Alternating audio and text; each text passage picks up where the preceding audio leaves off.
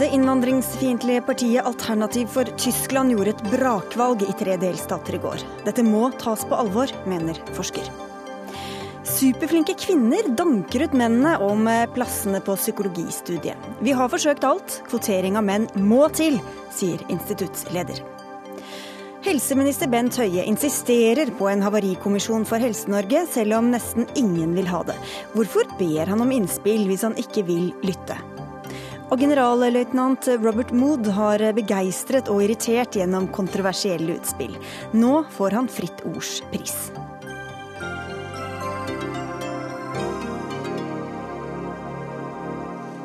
Og den snakker han om mot slutten av denne utgaven av Dagsnytt 18 i NRK P2 og NRK2. God eh, mandagskveld ønskes av eh, Sigrid Solund. Tysklands eh, forbundskansler Angela Merkel akter ikke å endre asyl- og innvandringspolitikken, trass i at det innvandringskritiske og høyrepopulistiske partiet Alternativ for Tyskland gjorde et brakvalg i tre tyske delstater i går. I fjor tok Tyskland imot 1,1 millioner asylsøkere, og innvandring er blitt den sentrale saken i den politiske debatten. Guri Nordstrøm, du er eh, vår korrespondent i Berlin. Hvordan har reaksjonene på dette valgresultatet vært utover dagen i dag?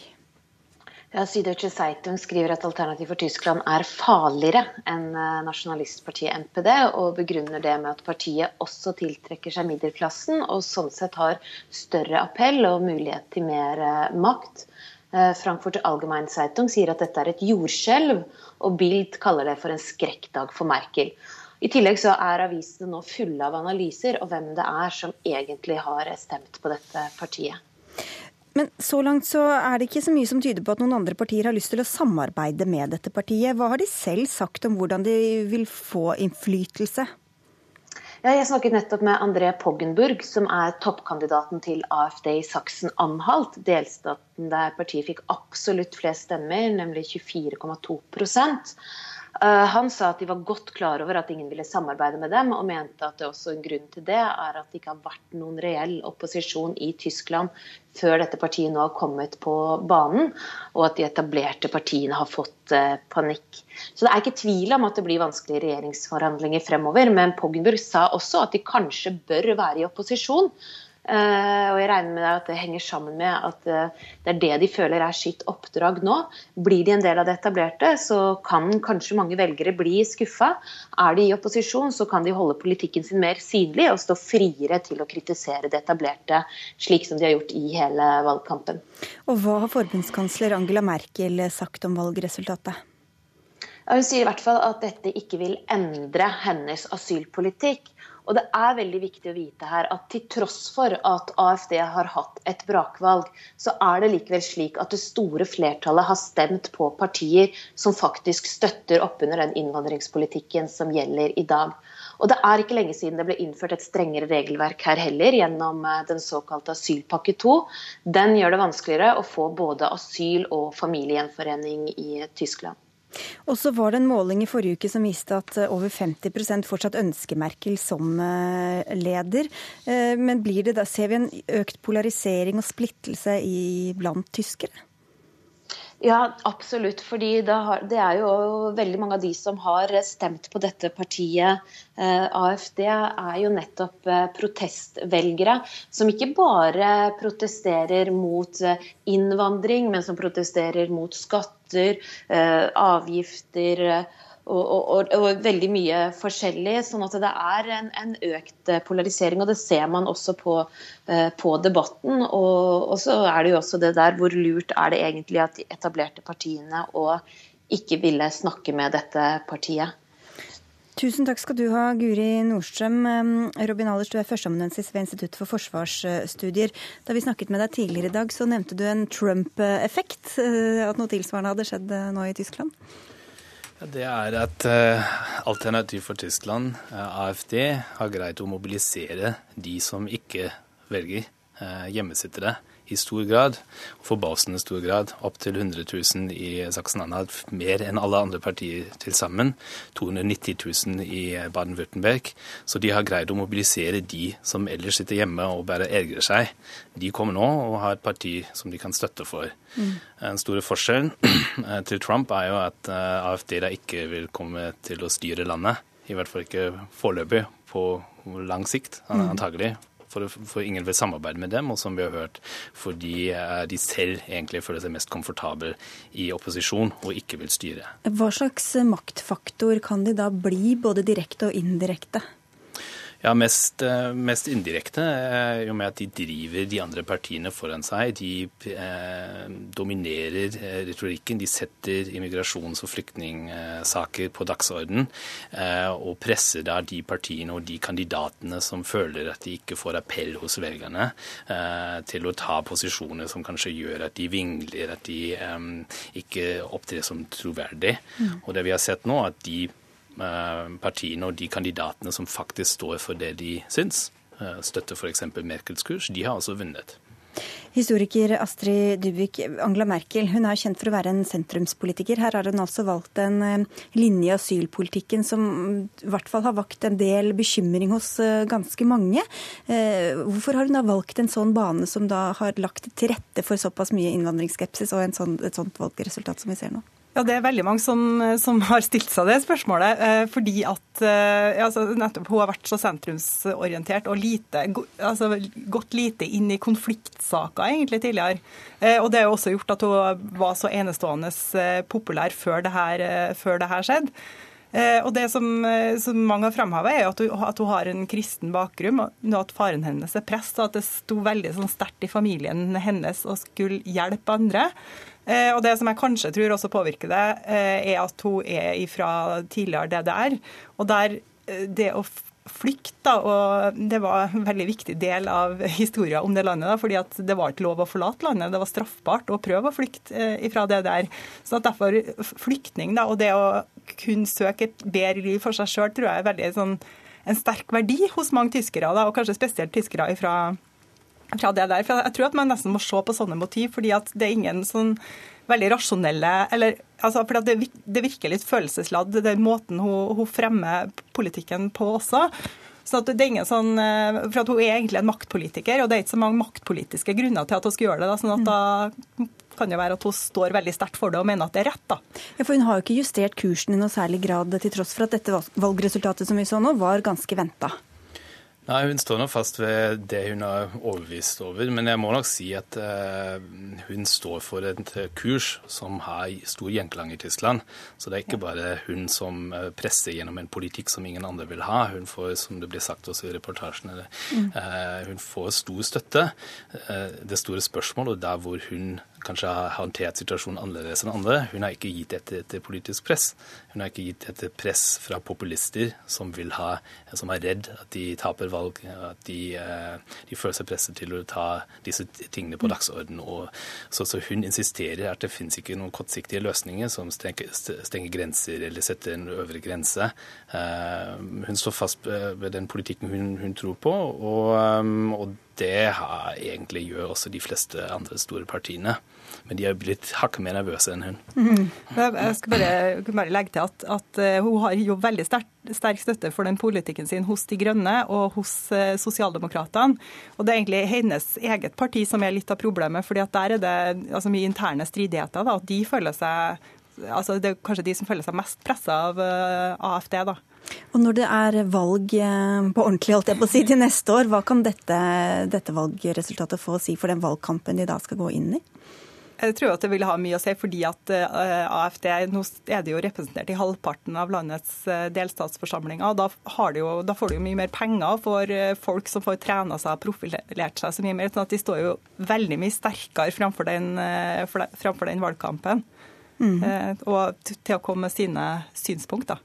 Og så, det, det hviler jo selvfølgelig noen lange skygger her etter andre verdenskrig, og noen sier da nå at dette er det første høyrepopulistiske partiet som virkelig har fått fotfeste etter andre verdenskrig. Hva kan du si om det?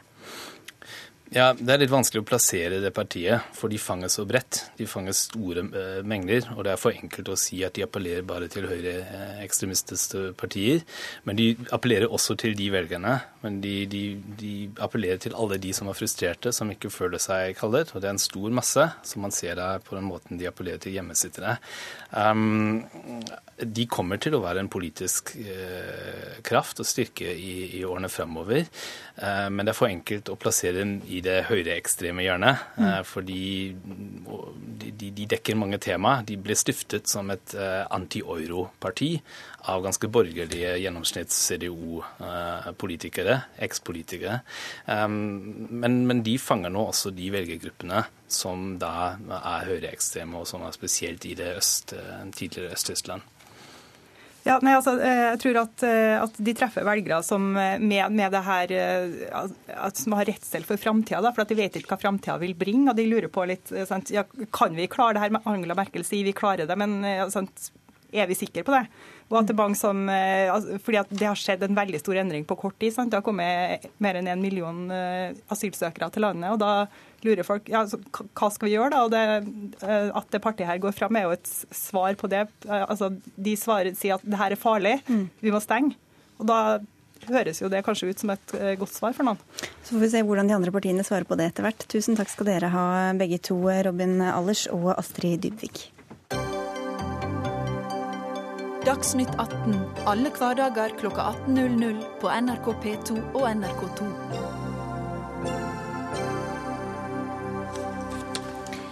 Bare 20% av studentene ved psykologistudiet ved Universitetet i Oslo er menn. Institutt for psykologi mener de har snudd alle steiner, utenom én, for å få flere gutter inn på dette prestisjestudiet som krever toppkarakterer for å komme inn. Dem er det flest jenter som har blant søkerne, og dermed blir kjønnsbalansen skeiv. Og Pål Kraft, du er instituttleder ved psykologistudiet ved Universitetet i um, Oslo. Og til TV 2 har du nå sagt at det er nødvendig å altså innføre kvotering. Hvorfor er tiden inne for et så kontroversielt grep? Eh, årsaken er jo at det er eh, bare 20 gutter cirka nå på profesjonsstudiet i psykologi. Og det betyr at over tid, eh, hvis dette får fortsette i mange år, så vil jo man få den samme andelen ute blant psykologene. Og det vil kunne være et problem, fordi det er en del mannlige pasienter som ønsker seg en mannlig terapeut. Og det er også en del faglige situasjoner hvor det kan være en fordel å ha noen mannlige alternativer. Men hvordan ser du for deg at denne kvoteringa skal skje? Vi har skissert to mulige løsninger.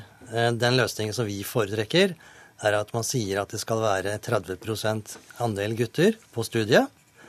Eh, men en alternativ måte å gjøre det på er å eventuelt gi ett ekstra poeng til gutter. Den siste løsningen er litt mer vanskelig å administrere, litt mer upredikerbar. Men begge løsningene vil kunne føre til ønsket resultat. Jenny Clemet von Tetzschner, du er fylkesleder eh, i Oslo Unge Høyre, og du er bystyrerepresentant eh, i Oslo. Og du studerer ved et annet fakultet enn eh, dette ved Universitetet i Oslo, nemlig det juridiske. Du er kritisk til kvotering, men noe må jo gjøres for å rette opp i en så stor ubalanse, eller hva? Jo, jeg er helt enig i at det er et problem at vi har så kjønnsdelt utdanningsvalg i Norge. Og jeg syns det er positivt hvis vi kan få til et mangfold både når det gjelder kjønn, men også selvfølgelig hvilken bakgrunn man har. Og legning er også viktig selvfølgelig at man har eh, et stort mangfold blant psykologer og, og andre profesjoner.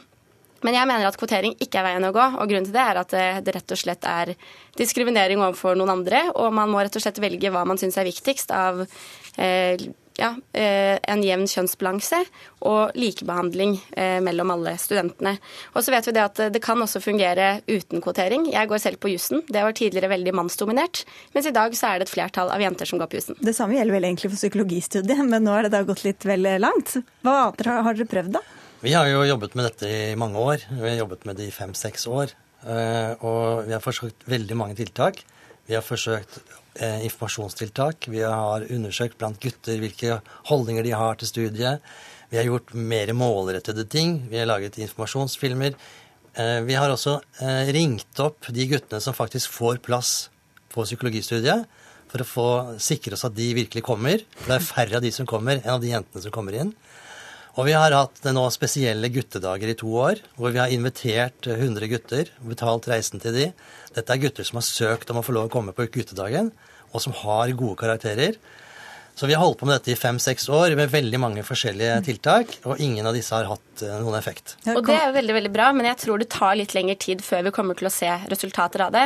Og jeg tror heller ikke at kvotering vil gi noen bedre resultater. Vi ser f.eks. at da man innførte kvotering i ASA-styrene, så var jo det med et mål om at man skulle få flere styreledere og også flere kvinner inn i Eh, AS-styrene. Men så har ikke det skjedd. De ringvirkningene man håpet på, har ikke, skjedd, eh, har ikke, skjedd. Men er det sammenlignbart? Hvis du får studenter inn, så vil du vel anta at de fleste av dem går ut, studiet ut? Eller? Ja, men uh, det jeg tenker på er at dette er et grunnleggende problem som gjelder for egentlig alle studieretninger. Og vi ser at allerede på videregående så velger jo jentene og guttene ulikt. På bygg og anlegg så er det jo 98% gutter, og så er det på helse og sosial er det veldig mange jenter.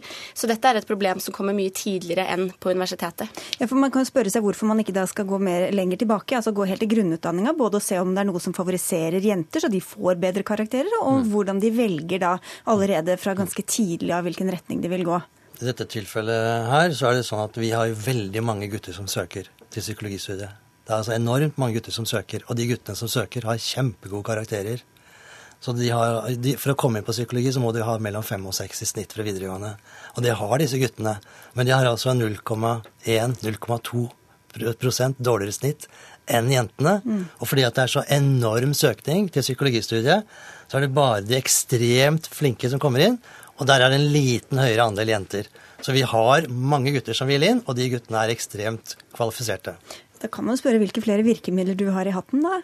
Jeg tror man må være litt eh, tålmodig rett og slett når det gjelder eh, disse utviklingene her. Og så tror jeg også at eh, man kan gjøre en del. Vi ser at på NTNU så slet man veldig med å få jenter til å søke seg til realfag og til elektronikk f.eks. Og så byttet man navn på faget fra elektronikk til elektronisk systemdesign og innovasjon. Og da fikk man også opp kvinneandelen fra 19% til 26% bare på ett år. Så de skal bytte navn på Psykologisk institutt? Ikke nødvendigvis, men jeg tror at det er mye man kan gjøre med image for å treffe det andre kjønnet enda mer enn det man gjør i dag. Men det virker jo som de har gjort veldig mye, da. Hva, hva, tror du, uten at du har vel overvåket alt det de har holdt på med, men hva, hva, hva, er ditt råd? Hva kan de gjøre annerledes? Nei, mitt råd er rett og slett at man må være litt tålmodig. Man kan ikke forvente at det, eh, når man har gjort dette et par, tre, fire år, så ser man resultatene med en eneste gang. Jeg tror dette er en langsiktig utvikling, og jeg tror at man på sikt kommer til å se flere gutter. Og så syns jeg også at vi må glede oss litt over at det er så mange jenter som faktisk dominerer på de store prestisjestudiene. Det er ikke så mange år siden at man klaget over at det ikke var nok kvinner i høyere utdanning. Utviklingen går jo i gal retning. Det er det som bekymrer oss. Etter at vi startet med dette for fem-seks år siden, så har det gått i gal retning. Så tålmodighet er egentlig ikke en dyd i dette tilfellet? Jeg tror ikke det vil føre fram på kort sikt. Og da får du en uheldig sammensetning av psykologene ute. Og det vil være negativt for pasientene. Så vi, vårt, vårt eneste argument i denne saken er at det er best for pasientene å ha både mannlige og kvinnelige psykologer. Men dette som vi var inne på eh, fra Clemet von Tetzschner eh, innledningsvis, altså gutter som ikke er så flinke, skal da ta, kjempeflinke, men ikke flinke nok, skal ta plassen fra noen som kanskje har jobba enda hardere og mm. målretta for å komme inn på dette studiet. Hvor rettferdig er det? Nei, Det er urettferdig. Og for de jentene, det er jo helt åpenbart, det er jo prisen man må betale her. At noen jenter som ellers ville ha kommet inn, de kommer ikke inn. Men de guttene som da tar plassen, de er ekstremt velkvalifiserte, men ikke så velkvalifiserte som de jentene de faktisk danker ut. Men da mener jeg at vi må også stille spørsmålet hvorfor er det sånn at jentene gjør det bedre på skolen enn gutter? Hvorfor ender jentene opp med bedre karakterer enn gutter? Og da tror jeg vi må se på en del grunnleggende ting i skolen. Kanskje skolen er for tilpasset en jente som klarer å ha ansvar for egen læring, fremfor de guttene som trenger litt mer støtte og litt mer tydelig klasseledelse allerede fra tidlig skolealder. Men dette med at pasienten er så opptatt av å ha menn, er det noe dere vet, eller hvorfor er det så viktig at det er mannlige psykologer også? Generelt sett så er ikke det noe problem hvilket kjønn terapeuten har, men det er noen pasienter, og noen mannlige pasienter, som da ønsker en mannlig terapeut. Det finnes også veldig lite forskning på dette, men det er noe forskning som indikerer at, no, at, menn kanskje får en bedre behandlingsallianse med en mannlig terapeut. Og det er viktig da for effekten av behandlingen. Men forskningen er ikke veldig sterk her. Og hvis du bare ber dem smøre seg med tålmodighet, så kan det ende med at det ikke blir noen mannlige psykologer til slutt, da? Nei, Jeg håper at vi får en uh, jevn fordeling og at vi får et mangfold, men ikke bare blant jenter og gutter, også blant uh, andre typer folk som kommer fra ulike steder, som har ulik bakgrunn og som har ulik legning. Det får bli en annen debatt. Takk skal dere ha begge to uh, for at dere kom til Dagsnytt 18. Pål Kraft fra Institutt for psykologi ved Universitetet i Oslo og Jenny Clemet von Tetzschner fra Unge Høyre.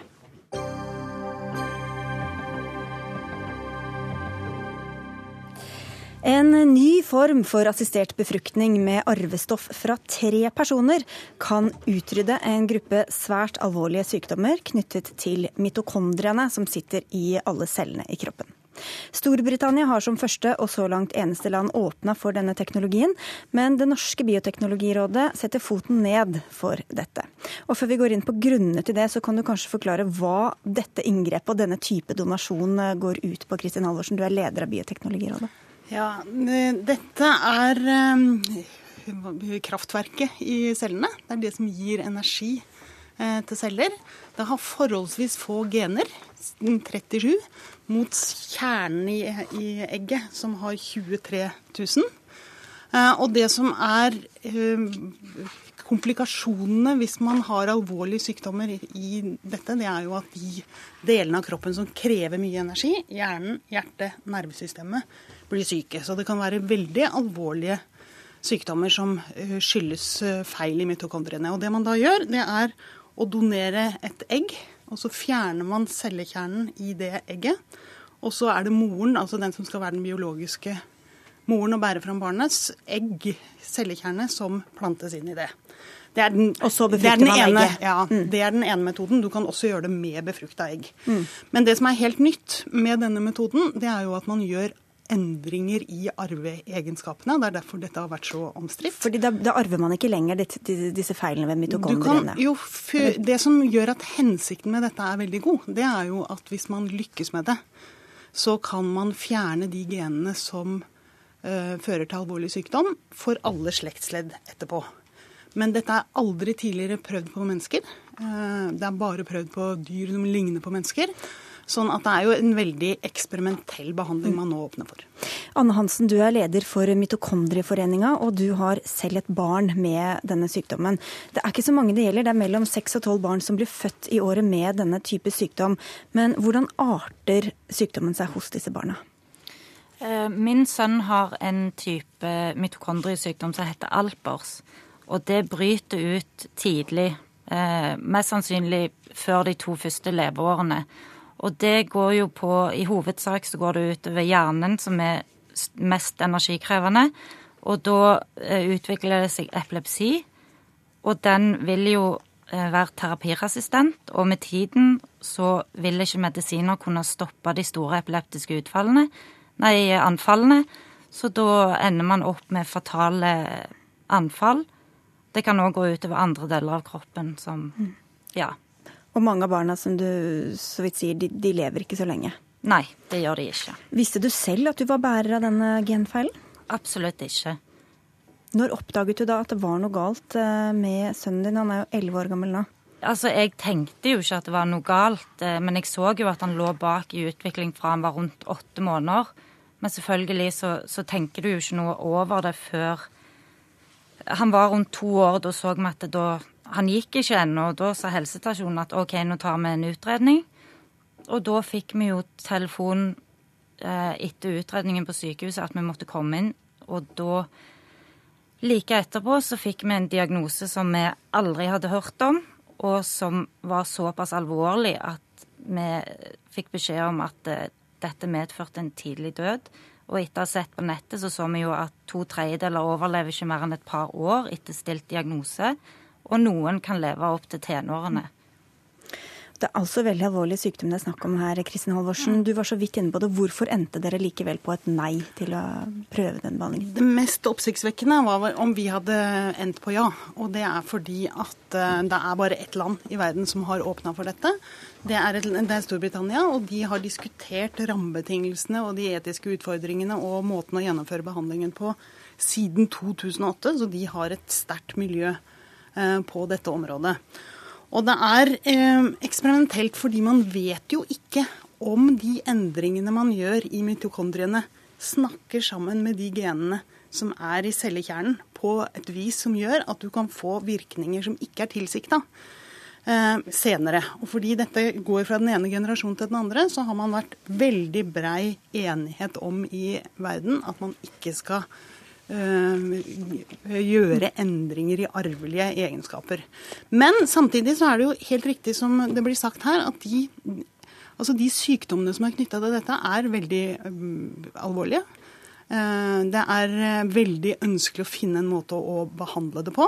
Sånn at vi sier jo ikke tvert nei i flertallet i Bioteknologirådet. Vi sier at vi skal avvente situasjonen eh, videre framover og se hvor langt man kommer i Storbritannia. Og et av medlemmene sa ikke nei i det hele tatt, men sa tvert imot ja. Og det var deg, Raino Molnes. Du er til daglig professor i statsvitenskap ved Universitetet i Oslo, men sitter altså også i Bioteknologirådet. Hvorfor endte du på et ja? Vel, altså det er mange grunner til å si nei men jeg syns ingen er gode. Den ene grunnen er at man skal ikke modifisere eller genmodifisere kjønnsceller. Det syns jeg i og for seg godt man kan gjøre, hvis det er en måte å komme lidelser i forkjøpet på.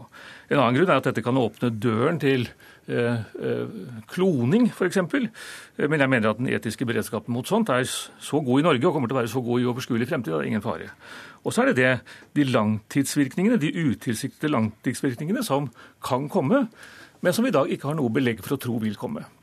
Og jeg mener at når farene er hypotetiske, altså når det er noe man ikke kan utelukke, men heller ikke har belegg for å si eh, vil skje med en viss sannsynlighet, så bør vi først og fremst tenke over hva medisinsk teknologi kan brukes til når det gjelder å lindre lidelser. Mm. Du skal få svare, Kristin Halvorsen. Vi skal først eh, høre fra Anne Hansen fra Stavanger igjen. Eh, hva syns du om at Bioteknologirådet ikke vil anbefale å åpne for denne type teknologi?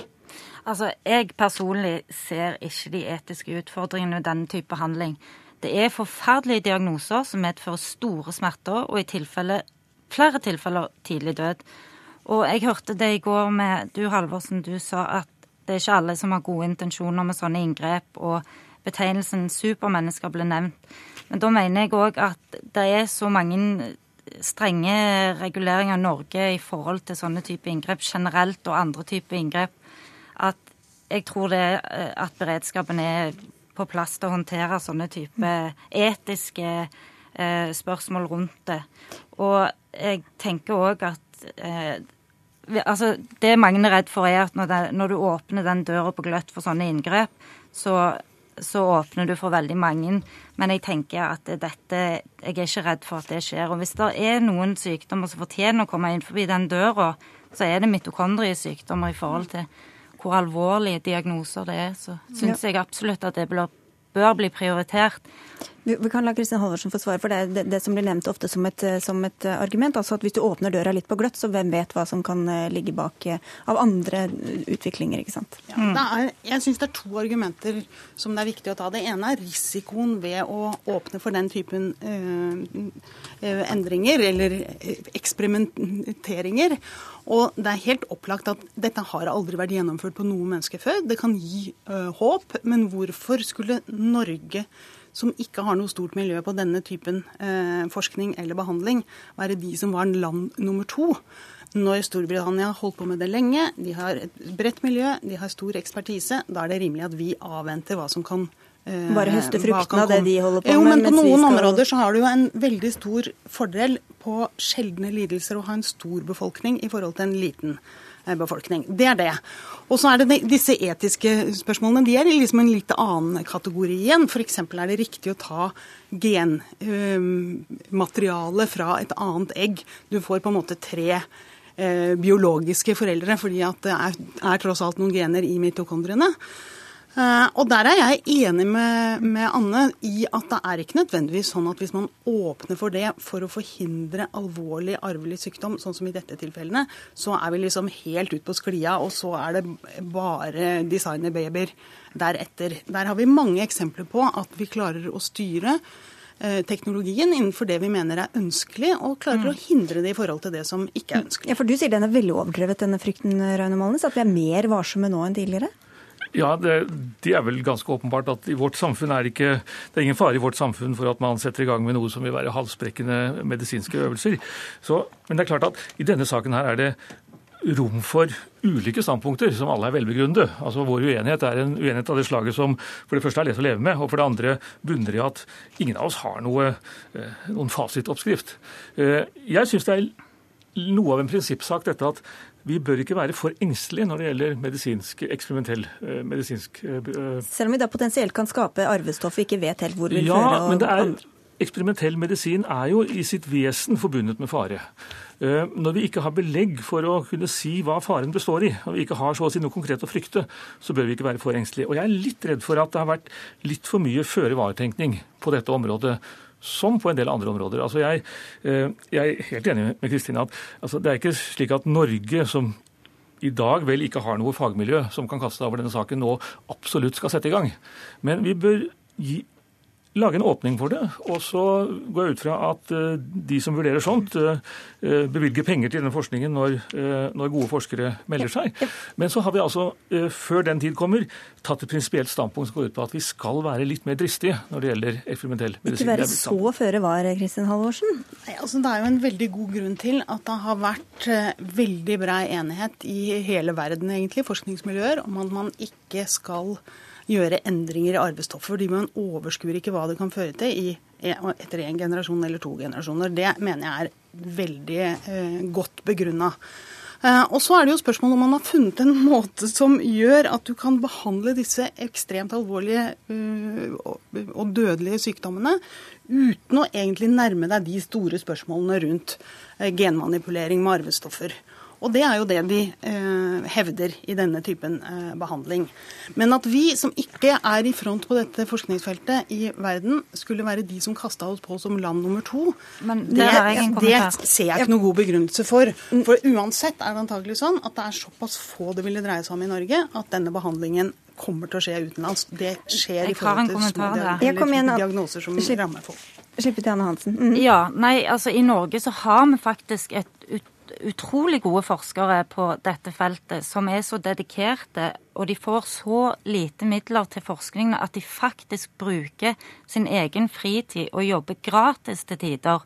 Og de er utrolig dyktige, og de, seg, de har en tett kontakt med resten av verden. Og jeg tenker med mer midler bevilget til forskning, så har de utrolig mye å bidra med. Ja, For du tror det blir mindre penger til den forskninga når vi nå ikke antagelig går inn for å åpne for den type Der er lite penger til forskning på mitokondriesykdommer generelt. Det er veldig lite prioritet. Og det er vel sånn at uh, det er jo ikke så mange forskere rundt omkring i verden som prioriterer mitokondriesykdommer, for det er såpass liten sykdomsgruppe. Og jeg tenker det er så viktig å støtte opp om alle som velger å forske på dette, og spesielt i Norge, når jeg ser hvor mye de investerer tida si og Ja, nei, absolutt så syns jeg at vi har en De er utrolig dyktige, og jeg tviler ikke på at de hadde fått til mye. Mm. Nå er det en stund siden du satt på den pengesekken, Kristin Halvorsen, men kan man risikere at nordmenn også reiser til Storbritannia dersom det viser seg vellykket der, og prøver å få behandling der i stedet? Jo, men på denne typen sjeldne lidelser så er det jo veldig viktig at man har et internasjonalt uh, samarbeid. Så det er jo ikke noen tilfeldighet at det er i Storbritannia man først begynner å åpne disse uh, behandlingene. For de har jobba med det lenge, og de har diskutert rammene for det lenge. Og de har diskutert dilemmaene uh, rundt det lenge. Og det er, vi har vært i kontakt med både Rikshospitalet og og Haukeland i dag. Og det er helt riktig at det fins forskere i Norge også som driver med dette. Men de er jo ofte da i en del av et internasjonalt uh, forskningsmiljø. Så uansett om vi hadde åpna for dette nå, og det skulle kunne bli et behandlingstilbud i, i Storbritannia, så er det antagelig sånn at det, det var det tilbudet man fikk hvis man var i denne pasient, uh, pasientkategorien. Så jeg syns vi har veldig gode grunner til at Norge ikke skal være land nummer to som åpner eh, for dette. Og så håper jeg jo at man eh, både klare å gå disse balansegangene når det gjelder risiko, og, og de etiske spørsmålene mm. godt. Det som er alternativet for kvinner som er bærere av denne typen sykdommer nå, det vil jo være eggdonasjon. Som ikke, et, som ikke, er egentlig et alternativ? Da, fordi jo, men, ikke har så men Bioteknologirådets flertall har åpna for egg, eggdonasjon. Så det, vil være, det er det vi har sett på som alternativet for denne pasientgruppen. Så det var en seier i hvert fall, Raine Malnes? Ja, og vi er nok uenige når det gjelder altså, altså, Jeg vil si at det er en særlig god grunn til at Norge skal gjøre det. Det er å være nummer to vil være å sende et viktig signal. Så, og på det punktet er vi nok uh, nokså uenige. Da får vi avslutte der. Tusen takk skal dere ha, alle tre. Raino Malnes, Kristin Halvorsen og Anne Hansen med fra Mitokondrieforeninga.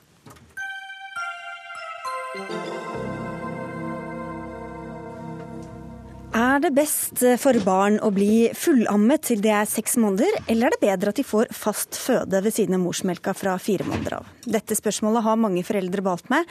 I en kronikk i Aftenposten i går kunne vi lese at moderne likhetsfeminister begrenser amming. Det er ikke bra for barnet, men det er fint for barnematprodusenten Nestlé. Det er du som skriver dette, Hans Kristoffer Børresen. Du er professor og tidligere overlege. Hva mener du med dette? Nei, jeg må jo si Det å redusere perioden for anbefalt fullamming fra seks måneder til fire måneder, det er jo et veldig godt markedsføringstiltak da, for barnematindustrien. Men ellers, ditt spørsmål hva er best, eller hva er nødvendig for barnet, det har ikke noe entydig svar for vårt uh, samfunn. Det som, er, det som, er, det viktigste hos oss, det er at regelverket, altså permisjonsregler uh, og uh, støtteordninger, Eh, lages slik at de kvinnene som ønsker å fullamme i seks måneder eller lenger, at de får full anledning til det. Men hvorfor er det viktig for barnet? Hva er det som er bra for barnet ved å fullamme til det er seks måneder? da? Eller bli fullammet? Ja, igjen må man eh, holde tingene fra hverandre. Altså I Norge, hvor vi har rimelig gode eh, morsmelkerstatningsnæring, så kan man ikke dokumentere at det er eh, mye bedre for barna å bli fullammet i seks måneder enn fire måneder. Men hva som fundamentalt sett er best for barnet, sett som sett biologisk, det Jeg kan ikke så godt svare på det her, men hvis vi ser det i et større perspektiv, utviklingsland, så er det jo veldig uheldig at de får en sånn ideologi fra Vesten om at barnematindustrien får fritt leide fra fire måneder. Det fenomenet har jo ført til eh, talløse tragedier, overbefolkning osv. Grunnen til at dette mm, eh, er oppe her, er at det er en debatt som ruller og går, og har gjort det en stund og bl.a. med et innlegg eh, hvor du var en av forfatterne, Astrid Midtsund. Du er helsesøster, og du er medlem, styremedlem i landsstyret av Helsesøstre. For dere sa at de anbefalingene om å fullamme, altså ikke gi noe annen mat i seks måneder, at det ikke er så bra? At det er bra å begynne å gi annen føde fra, allerede fra fire måneder av? Ja. Og først og fremst så tenker jeg at det er viktig at vi er enige om at det å amme er bra for alle spedbarn, og det er vi alle helsesøstre enig i. Ehm, men nå har det jo kommet mer og mer forskning som viser at det å introdusere fast føde før seks måneder kan være gunstig for barnet. Og da er det litt rart at retningslinjene til seg, eller sier at eh, de bør fullammes til seks måneder. For barnet får ikke i seg alt det de trenger av, gjennom morsmelka det altså når det er såpass gammelt som seks måneder? Ja, altså Det som har vært oppe nå, det er jo det her med B12 og jern. Og Det er klart at det, det kan godt hende at det er unger som klarer seg fint på bare morsmelk fram til det er seks måneder. Men det er litt mer sånn medisinsk perspektiv. Men den kronikken jeg skrev, handla jo om helsesøsters perspektiv i forhold til det her med å tilvennes ny mat og det tid å lære seg munnmotorikken. og og at det er ganske mange mødre som eh, har dårlig samvittighet fordi at de må begynne med fast føde, av mm. ulike grunner. Og så henviser du til eh, evolusjonen, Børresen. Ja, altså det omvendte problemet. Er det skadelig for spedbarn å, å, å, bli fullammet utover fire måneder? Det er det andre spørsmålet. Og da Verdens helseorganisasjon ønsket å utvide anbefalt fullamming fra fire til seks måneder, så leverte Gro Harlem Brundtland et uh, vitenskapelig artikkel jeg hadde laget, som dokumenterte at fullbårne barn trives stort sett aldeles utmerket, ikke bare i seks måneder, men, men antagelig opptil ni måneder uh, med kun morsmelk. Men forutsetningen er selvfølgelig at mor er motivert, altså hun ammer på riktig måte, rent ammeteknisk. Uh, og da fungerer det veldig bra. Og på den artikkelen fikk vi jo interessante tilbakemeldinger fra helsepersonell i USA som hadde sett dette, at det var mange mødre som simpelthen praktiserte fullamming også utover seks måneder. Og mitt poeng er at det som seiler under forskningens fane, det må vi være skeptiske til å godta. Jeg har jo tross alt lest andres forskning og drevet forskning selv i par mannsaldre. Og det vet at forskning kan du ikke uten videre stole på. Og det som var noe av mitt poeng i eh, den artikkelen i Aftenposten, det var jo at det, er ikke trolig at evolusjonsprosessene i millioner av år har laget en morsmelk som er et slags nødsproviant. Som i, i beste fall kan holde i fire måneder. Og jeg må jo også understreke at Verdens helseorganisasjon har jo et, eh, en eh, instruks, WHO-koden kalles det, som pålegger helsepersonell å beskytte og oppmuntre amming. Og da kan vi ikke gå rundt og hevde at morsmelk er nødsproviant. Men det er det vel heller ingen som hevder at det er nødsproviant. Altså, det at en ønsker å starte introduksjonen tidligere, betyr jo ikke at folk skal slutte å amme. Det betyr bare at de kan amme i tillegg til at de starter med fast føde forsiktig. Og på den måten vil de ha bedre anledning til å bruke tid på dette enn at de skulle ganske raskt komme opp i mengde. For, for dette er jo en sak som eh, for alle som ikke er midt oppi det, høres det kanskje litt fjernt ut, men det er veldig mange foreldre som baler med det her og lurer på hva som er riktig hva som er galt. Eh, hva er det dere, hvilke mm, spørsmål og fortvilelser er det dere blir møtt med som, eh, som helsesøstre? Det at det er vanskelig å få barn til å begynne å spise fastføde, f.eks. Særlig fordi at en ser at en del barn er mer interessert når de er mellom fire til fem måneder i mat. Altså de sitter og observerer foreldrene, sitter og gaper og er interesserte. Mens når de er seks måneder, så er kanskje den interessen borte, og det tar lengre tid å starte. Uh, og ja, altså bekymring rundt det, da. Så blir det kanskje et stort sånn rabalder rundt bordet med masse avledning for å få i ungen mat, og så, og så har en andre problemer, på en måte. Mm. Men Du skriver om snusfornuftig helsepersonell. Hva er, det, hva er, det, du mener med det? Hva er det de gjør feil? Da henviser jeg til denne litt ukritiske uh, aksepteringen av såkalte forskningsresultater. Som er disse mangel på vitaminene og sånn som vi er inne på? All forskning skal man være skeptisk til. Og når det gjelder morsmelk, så hadde man jo to funn som bare viser hvordan skarpsindige forskere kan ta feil. Det ene var spedbarnets energibehov. Man trodde at energibehovet per kilo det begynte å øke når barnet ble mer bevegelig og begynte å gå. Det viste seg å være bare tull da man eh, fikk metoder basert på tyngre isotoper av oksygen og hydrogen, som eh, eksakt kunne vise energiforbruket. Og da viste det seg at de bruker ikke mer enn per kilo når de blir eldre. Men en annen sak er at når de da får kunstig ernæring, så blir den til dels dårlig absorbert. Fettet i kunstig ernæring blir jo mye dårligere absorbert enn fra morsmelk. Så det totale eh, kaloriinnholdet i kosten må være høyere. Men dette er jo ikke snakk om spedbarn, altså dette er jo ikke snakk om nyfødte. Og jeg tenker jo også at eh, Du sier at forskningen han eh, skal være skeptisk til forskning, men tidligere så har jo ammeforkjempere brukt f.eks. det her med allergi og forskning på det liksom, som, en, som et argument for å fullamme. Og nå er det jo vist seg at det tvert imot kanskje er gunstig å begynne med introduksjon av fast føde tidligere nettopp pga. allergiforebygging. Og da stoler du ikke bare på at evolusjonen har ordna opp eh, i morsmelksinnholdet? Jeg tror det blir litt enkelt, faktisk, å bare stole på det. Det ser ikke ut til at dere blir enige. Vi får si tusen takk for at dere kom, begge to. Hans Kristoffer Børresen og Astrid Midtsund fra Helsesøstrene. Takk. Hør Dagsnytt 18 når du vil. Radio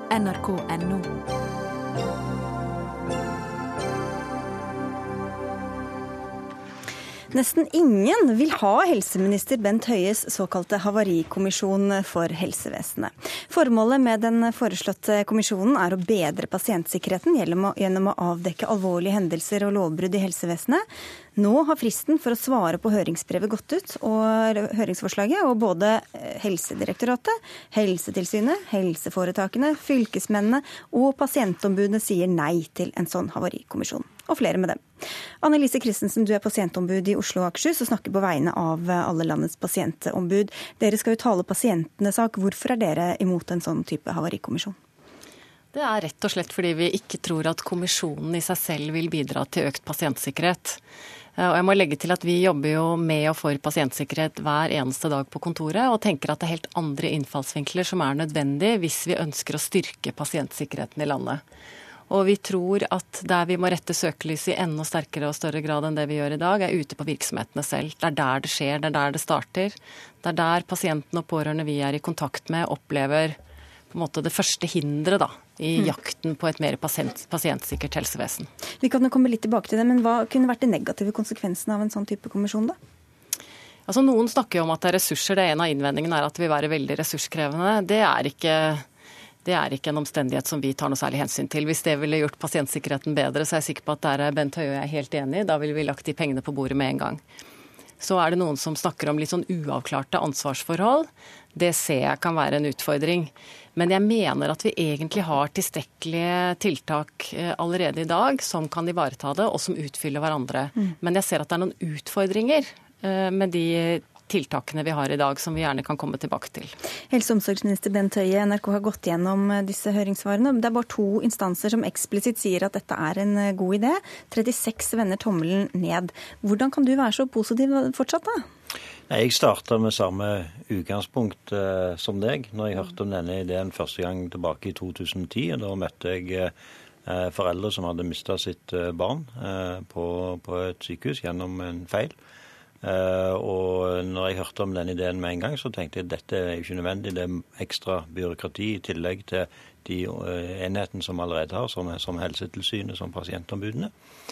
Men så begynte jeg å jobbe med ideen allikevel, og snakket med mennesker som jobber med sikkerhet fra andre sektorer.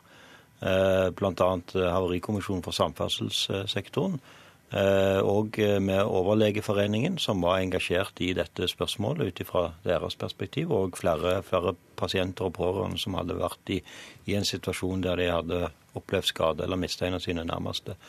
Og Det mer jeg jobbet med ideen, det bedre syns jeg han var. og Det resulterte òg i at Høyre og KrF fremma et felles representantforslag om dette i forrige periode. Og jeg, når jeg ble helseminister, ga utvalget mandat om å utrede det. Og jeg syns det er interessant å se at både i utvalget og blant høringsinstansene så er det de som jobber med sikkerhet, tenkning fra andre sektorer som støtter ideen. Ikke Kripos? Eh, nei, men hvis en f.eks. ser på, på, både det miljøet som er i, i, i Stavanger, på, på, sikkerhetsmiljøet der, hvis en ser på medlemmene av, av utvalget, tidligere leder av Havarikommisjonen i samferdselssektoren, som òg er psykolog og har bakgrunn fra helse, støtter en sånn idé. Og hvorfor er, hvorfor er etter min oppfatning dette en god idé? Jo, det er rett og slett fordi at dagens tilsynsoppmerksomhet er veldig knytta mot forsvarligheten og den enkelte som jobber i helsetjenesten. Jeg mener at vi har behov for en sånn undersøkelseskommisjon for å kunne få en bredere analyse av de bakenforliggende årsakene til at feil skjer. Men nå, du, nå, kom du med hva skal vi si, en bit av virkeligheten, så har vi litt flere biter her også. Du sa i 25.6.2014 i Aftenposten at det skal opprettes en kommisjon for helsetjenesten, uansett hva pågående utredninger skulle konkludere med.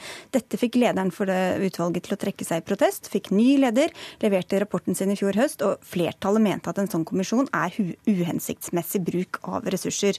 Veldig mange svarer altså negativt i denne høringsrunden. Man kan jo spørre seg om det har gått prestisje i denne saken for din del? Nei, vi har, eh, For det første så er dette en sak som vi forplikter oss på før valget. Dette var en eh, viktig del. kan dere ikke lytte til innspillene som kommer da? Men jeg tror òg at folk av og til setter pris på at politikere holder løfter som en har gitt. Og vi, jo, som jeg sa, dette var ikke en sak som vi starta med et utgangspunkt med en, at dette er bare en god idé som vi tar over bordet. Nei, dette var en sak som vi startet å jobbe med med det motsatte utgangspunkt. Eh, men etter hvert som en har jobbet meg inn i dette, så mener jeg at det er en god idé. Og jeg ser også at det, det, er en idé som vi får støtte ifra, fra òg tunge fagmiljøer. Og det er interessant at eh, fra tjenestens side så er det motstand, men fra de som fra pasientorganisasjoner, fra, fra, fra andre fagmiljøer, så er det støtte til denne tenkningen. Altså det er litt, Vi har jo en undersøkelsesenhet i Statens helsetilsyn i dag som nettopp skal bidra til å oppklare hva det er som har skjedd når vi har disse store, tunge, tragiske, uønskede hendelsene. Eh, det vi vet per i dag, er at de får for få meldinger. I fjor fikk de 500 meldinger fra tjenestestedene. Det skjer langt mer uønskede hendelser ute. Det som er viktig, er jo at vi får opp en kultur ute på tjenestene hvor det er så mye åpenhet blant helsepersonellet og fra ledelsen og nedover at man faktisk tar tak i de uønskede hendelsene som skjer. Å opprette en havarikommisjon vil jo bare ta på en måte noen få hendelser, men vil ikke bidra til den ønskede kulturendringen som vi trenger i hele helsetjenesten. Men, men er det en enkel måte å vise handlekraft for deg på, da? Kanskje å si nå setter vi ned en kommisjon? Nei, Nei altså Hadde det vært sånn at min, mitt svar på utfordringene vi har med pasientsikkerhet og kvalitet bare hadde vært å få utrede denne kommisjonen. Da hadde all grunn til å være meget kritisk. Men jeg mener jo at de tingene som du tar opp, eh, de er det jo fullt ut mulig, og det gjør vi òg, jobber veldig systematisk med eh, i, eh, i tillegg. Og jeg tror at alle ledere i helsetjenesten som har møtt meg og hørt meg snakke om disse tingene, vet at det er helt andre krav nå både til åpenhet, til ledelse og til å ha systemer knytta til pasientsikkerhet og kvalitet. Vi har nettopp sendt ut en ny eh, forskrift knytta til dette, hvordan pasientsikkerhet og kvalitetsarbeidet skal forankres helt tydelig eh, i, i, ledelse, og ha systemer knytta til dette. Så det er ikke noe motsetningsforhold mellom ja. å jobbe gjennom tjenesten og det å ha en undersøkelseskommisjon i tillegg, som nettopp går inn på og ser på hva er det som skjer eh, når, eh, når en i en stor organisasjon eh, at feil skjer. Det er mange de ulike mekanismene ikke slår til. Det er nettopp det som kjennetegner når en i, i kompetente organisasjoner oppstår feil, og det må vi ha bedre undersøkelser Du kan få både og, Christensen. Både bedre åpenhet og en egen havarikommisjon. Ja, men jeg, jeg, skjønner fortsatt ikke helt hva denne Altså hadde vi, hadde vi trodd at dette skulle ha en merverdi? At dette skulle gi bedre pasientsikkerhet, så hadde vi selvfølgelig ønsket oss denne kommisjonen. Men det vi ser, er at de tilsynsmyndighetene vi har i dag, både det som utføres i fylkene av Fylkesmannen og det som utføres i Statens helsetilsyn, bærer preg av at de kanskje er noe dårlig organisert. Det er jo foreslått endringer i Arionsson-utvalget, men også kan det se ut som de har for lite ressurser. Og det å i stedet for å se på de ordningene vi har i dag og bygge de opp så de kan gjøre den jobben som vi faktisk forventer, og stadig opprette nye ordninger, det er jeg mm. veldig usikker på om er et gode for pasientene. Og, som jeg nevnte, vi må svare litt kort her, men også, også Kripos er negativ og peker på at det vil være uheldig med for mange aktører som skal drive tilsyn og, og kontroll. Dere skal jo avbyråkratisere, skape tydelige linjer. Hvorfor ikke heller jobbe og endre litt på det systemet vi har i dag? Nei, Det er to grunner til det. For det første, den tilsynet som vi har i dag, det må vi ha. Men det jobber ut ifra en annen logikk enn den undersøkelseskommisjonen vi gjør, med andre metoder ut fra andre typer lovverk. Det er den ene tingen. Det andre er at i samferdselssektoren der har vi både et luftfartstilsyn og vi har en havarikommisjon. Begge deler jobber parallelt, og det er betydelig færre mennesker som blir drept og skada i mm. trafikken, enn det som opplever uheldige hendelser og alvorlige hendelser i helsetjenesten. Så jeg mener at det òg ut fra et ressursspørsmål er fornuftig å ha begge deler. Vi er nødt til å avslutte der, men si tusen takk til dere begge to, eh, helse- og omsorgsminister Bent Høie og pasientombudet i Oslo og Akershus, Annelise Christensen. Takk skal dere ha. Han har vist stort ytringsmot i kritiske debatter om Forsvarets rolle i samfunnet. Han er generalløytnant Robert Mood. I dag ble det kjent at han får Fritt Ords pris 2016, stiftelsens høyeste utmerkelse. Og Vi skal straks snakke mer om denne prisen, men først til en melding som kom for noen få minutter siden. For eh, Russlands president Vladimir Putin sier nå at Russland skal trekke mesteparten av sine styrker ut av Syria, og sier også at de vil gå tyngre inn i arbeidet for å skape fred i landet. Robert Mood, du har vært sjef for FNs observatørstyrke i Syria. Hvordan tolker du denne uttalelsen fra Putin? Ja, Nå gjenstår det selvfølgelig å se hva som, hva som uh, skjer de nærmeste dagene. Men det er jo ingen tvil om at dette er positivt. Dersom det bidrar til et lavere konfliktnivå i Syria, så vil de også støtte opp under de fredsbestrebelsene som nå, nå foregår, både på bakken og i Genéve. Så får håpe dette er eh, ytterligere et positivt tegn på at stormaktene sammen med de regionale maktene har bestemt seg for virkelig å gjøre et alvorlig forsøk denne gangen. Mm. Og Da må vi få gratulere deg, da, generalløytnant og sjef for Forsvarets militærdelegasjon ved Nato-hovedkvarteret i Brussel med denne prisen fra Fritt Ord. Tusen takk. Hva betyr det for deg å motta en sånn pris? Eh, jeg må vel si at det er både overraskende, eh, men fremfor alt hyggelig. En anerkjennelse, syns jeg, til meg som person. Men jeg opplever det også som, som en inspirasjon for alle oss som går i uniform, og, og til alle i offentlig sektor, eh, som en, en, verdifull stemme i samfunnsdebatten. Frank Rosavik, journalist og forfatter, og i, dette, i denne anledningen styremedlem i Fritt Ord. Hvorfor ble det Robert Moth som fikk denne gjeve prisen? Eh, Robert Mood har eh, i mange år eh, vist seg som en åpen og kritisk røst i uniform. Han har brakt forsvarspolitiske og sikkerhetspolitiske problemstillinger ut i offentlighet. Han har vist mot ved å innta standpunkter som sikkert ikke alltid har vært like populære i hierarkiet han er en del av. Og han har også engasjert seg på andre felter, viktige felter i samfunnsdebatten.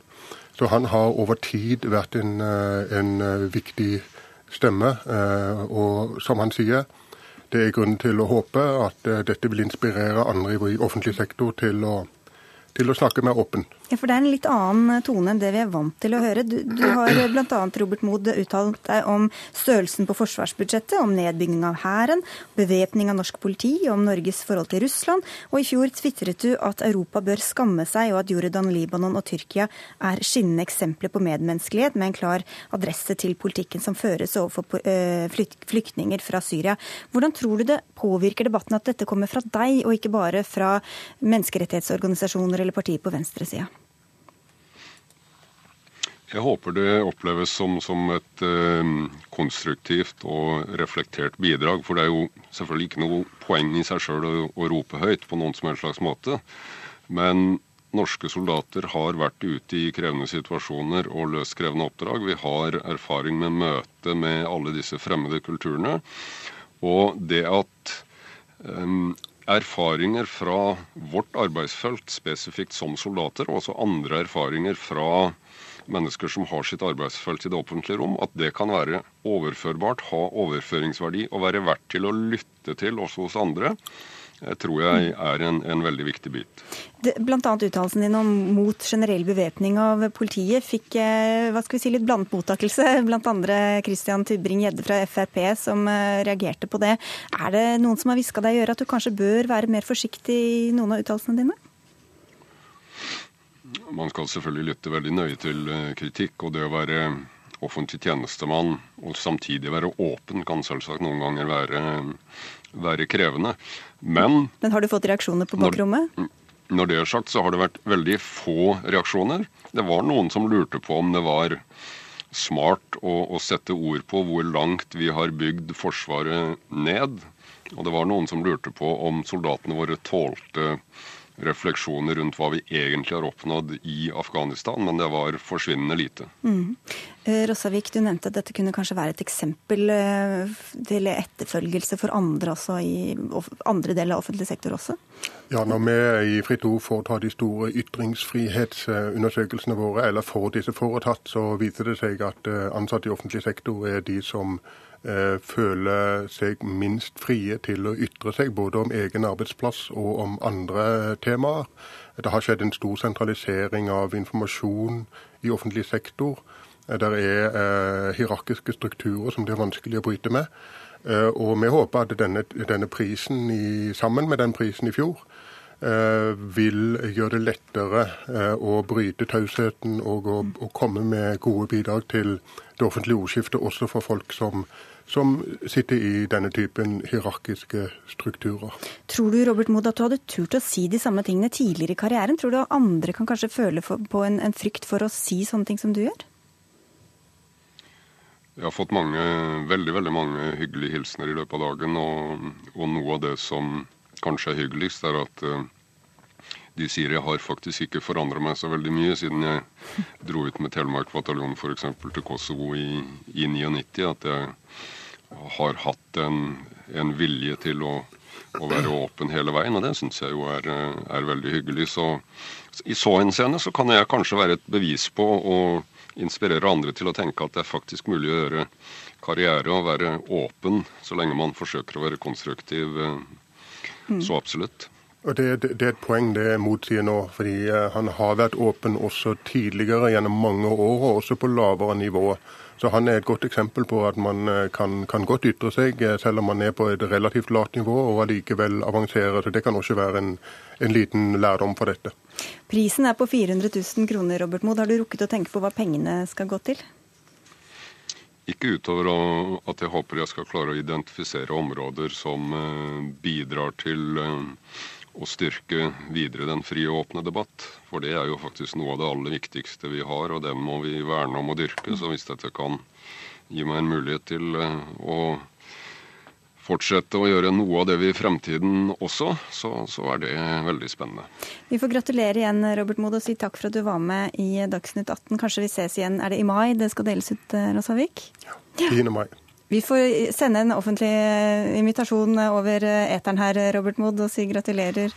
Og tusen takk til Frank Rossavik. For vi er ved veis ende i dagens Dagsnytt 18, og Dag Dørum hadde ansvaret for innholdet i sendinga. Frode Thorshaug hadde det tekniske ansvaret. I studio satt Sigrid Solund, og vi ønsker en god kveld videre.